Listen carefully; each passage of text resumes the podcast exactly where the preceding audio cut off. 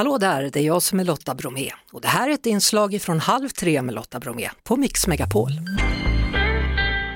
Hallå! Hallå! Hej! Hej! Ja men vad trevligt att höra dig i etern igen. Ja, hur är läget?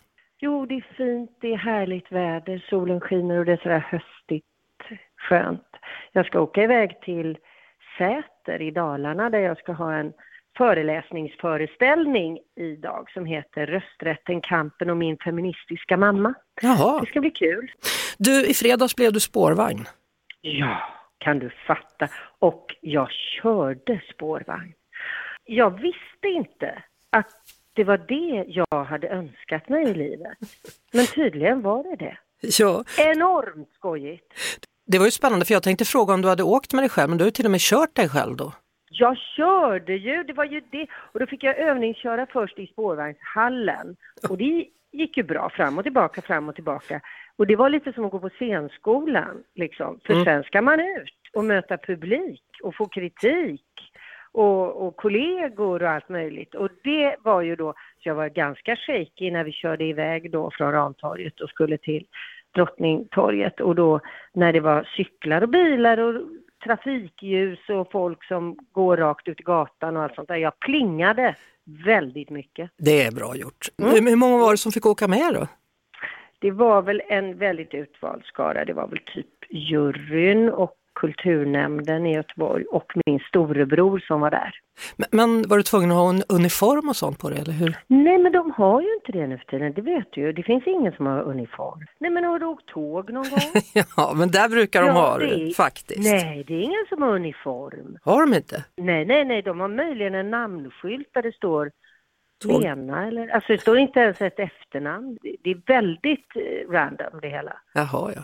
Ja, det är jag som inte ens har, jag har inte tittat på när jag Jag har åkt inte tåg. tänkt på det. Nej. Jaha, men på riktigt är det så? Ja, på riktigt. Jaha, vilken... Ibland kanske de har någon t-shirt eller en pikétröja i en viss färg som signalerar att man på något sätt är behörig. Mm. Annars ser alla ut precis som alla, överallt.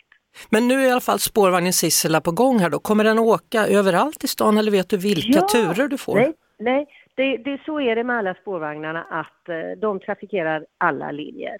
Så att du kan, när som helst så händer det dig att du går på. Det är inte ens säkert att du märker det, det är ganska diskret men det står lite fint sådär och så är det en liten plakett eller vad man ska säga där det står lite saker då som jag har gjort. Jag kan tala om för dig vad den heter för övrigt, för ö- mer än Sissela Kyle så heter den M33.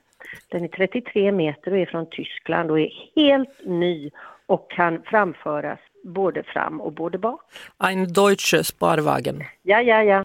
Du, förutom att du fick en spårvagn uppkallad då, så fick du också Göteborgs kulturpris. Hur mycket betyder det för dig? Alltså jätteroligt naturligtvis och extra roligt att få ett erkännande från min gamla hemstad. Hemskt kul tycker jag att det var. Jag blev jätteglad. Vad Får man ett stipendium då eller får man ett diplom? Eller? Man får en jättefin skulptur som är gjord av gammal räls. Jag tycker den är jättesnygg. Jag har den framme här.